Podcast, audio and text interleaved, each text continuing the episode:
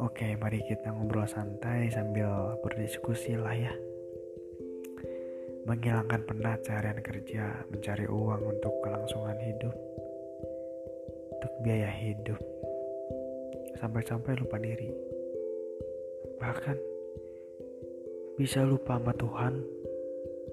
Ngerasa gak sih kalau misalkan uang itu sudah merebut segalanya? Kita tanpa uang tidak bisa melakukan apa-apa. Sampai lupa tujuan kehidupan manusia di dunia ini itu untuk apa gitu. Lambat laun, manusia zaman sekarang itu perlahan-lahan mulai mentuhankan uang. Ibaratnya uang itu adalah Tuhan yang bisa melakukan apa pun. Ngerasa gak sih kayak gitu?